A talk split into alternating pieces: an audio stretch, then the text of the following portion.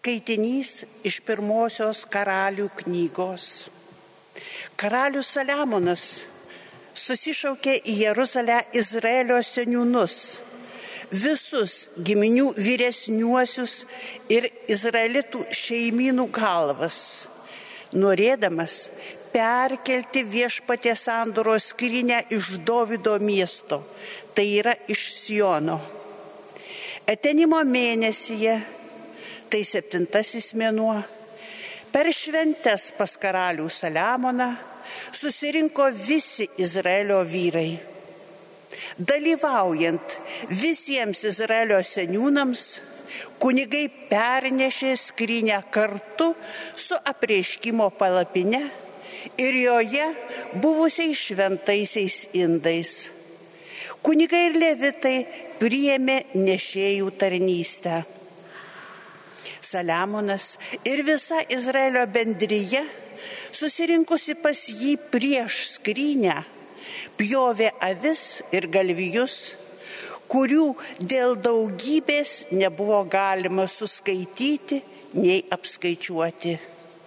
Taigi kunigai pastatė viešpatė sandoro skrynę į jai skirtą vietą, į Dievo buveinę tuose namuose iš šventų švenčiausioje po kerubinų sparnais. Mat kerubinai laikė išskėtę sparnus viršum vietos, kur stovėjo skrynė ir dengė skrynę bei jos kartis iš viršaus. Skrynioje buvo tik dvi akmens plokštės, kurias Mozė buvo įdėjęs prie Horebo plokštė sandoros, kurią viešpats buvo sudaręs su izraelitais išėjus šiems iš Egipto.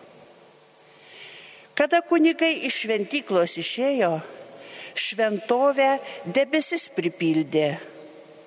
Dėl to debesies jie nebegalėjo atlikti tarnystės, mat viešpatė šlovė pripildė šventovę. Tada Saliamonas pasakė, Padangėje viešpats įkurdino saulę, o pats panūdo patamsi gyventi. Todėl tau namus pastačiau kuo puikiausius - buveinę gyventi per amžius amžius. Tai Dievo žodis. Viešpatie pakilk į savo poilsio būstą. Viešpatie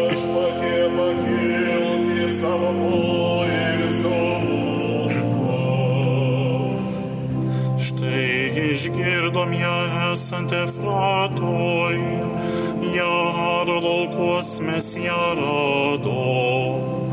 Eikime ten, kur jis apsistojęs, pulkime knipsti prie jo papėdės. Viešpatie,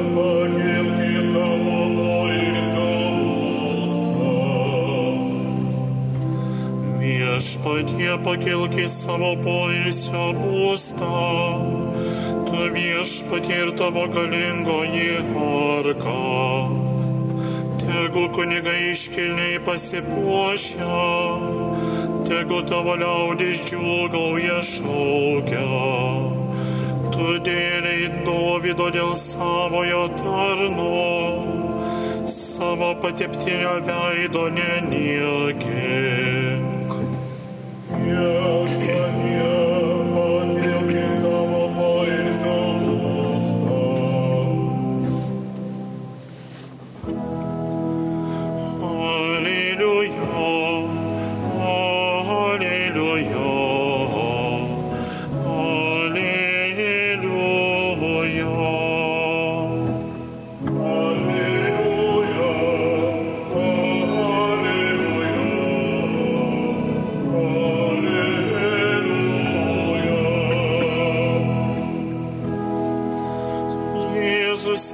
karalystės evangeliją ir gydė žmonėse visokias lygas.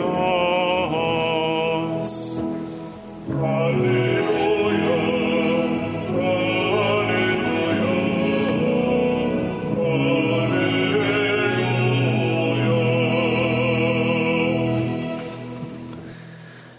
Viešpat su jumis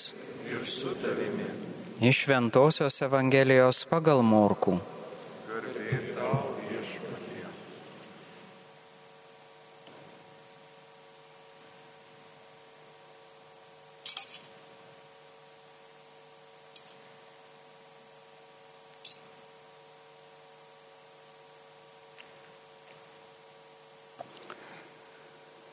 Persijyrę per ežerą Jėzus su mokiniais pasiekė Genezaretą ir čia lipo į krantą.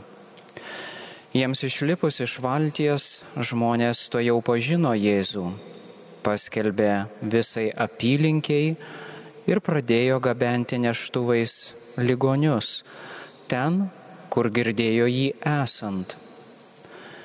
Ir kur Jėzus užeidavo į kaimus, miestus ar vienkemius, jie aikštėse guldydavo ligonius ir maldaudavo jį, kad leistų jiems palitėti bent savo drabužio apvadą. Ir kas tik jį paliesdavo, išgydavo.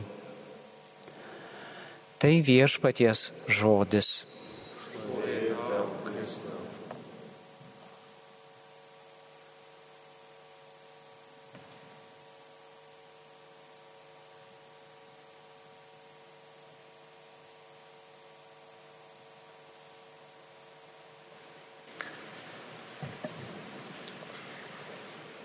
Skaitinėje iš pirmosios karalių knygos šiandien girdėjome, kaip karaliaus Saliamono laikais su didelėmis iškilmėmis į šventyklą buvo pergabenta viešpaties sandoros skryne.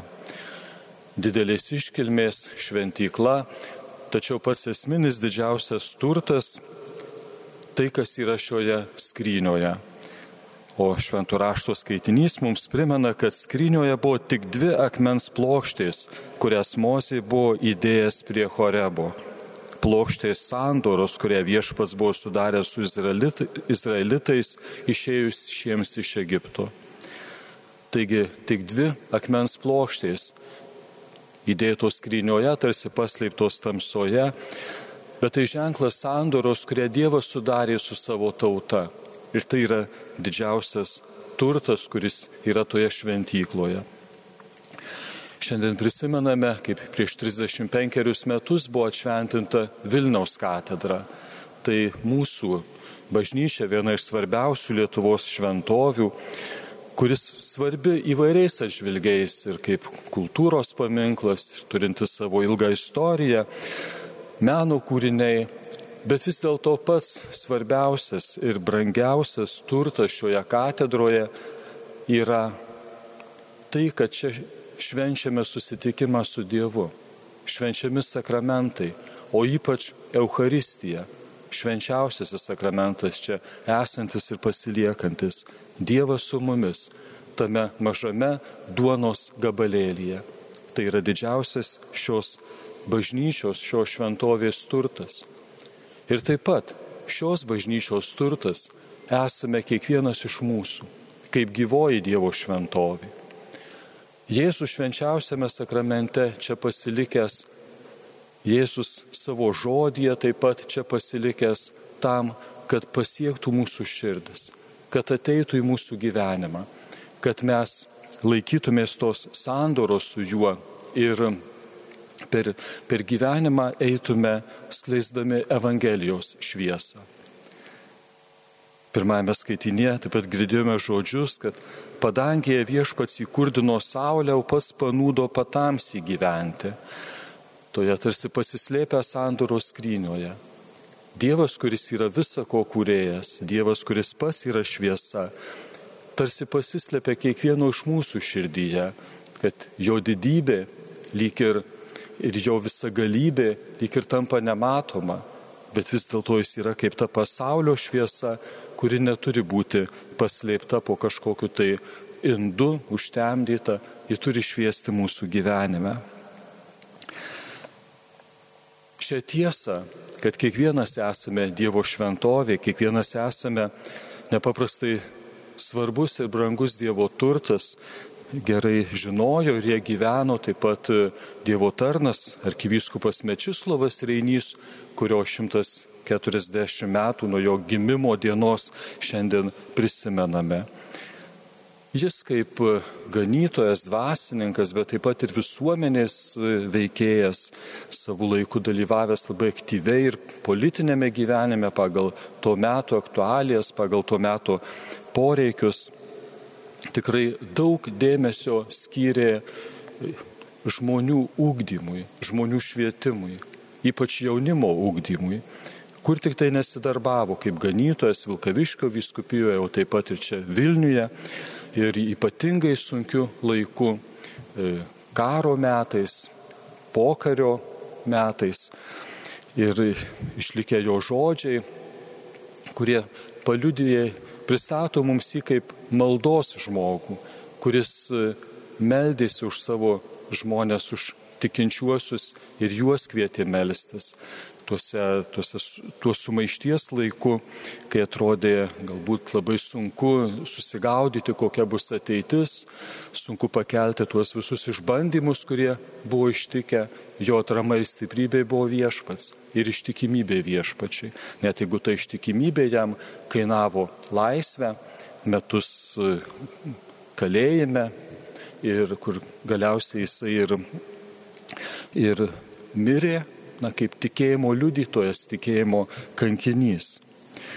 Ir vienas iš e, kartu su juo kalėjusių žmonių Vokietijos užsienio reikalų ministerijos tarėjas savo paliudyjime apie ten sutiktą arkivyskupą Mečislovą Reinį sako, kad jis meldėsi už savo tikinčiuosius. Ir ten būdamas kalėjime.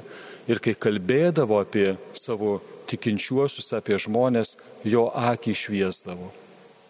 Kokioj tamsoje neatsidurtum žmogus, kokiuose sunkumuose nebūtum. Dievas, kuris pasilieka mūsų širdyje, tikėjimo šviesa, jinai sklinda iš žmogaus gyvenimo ir iš jo akių.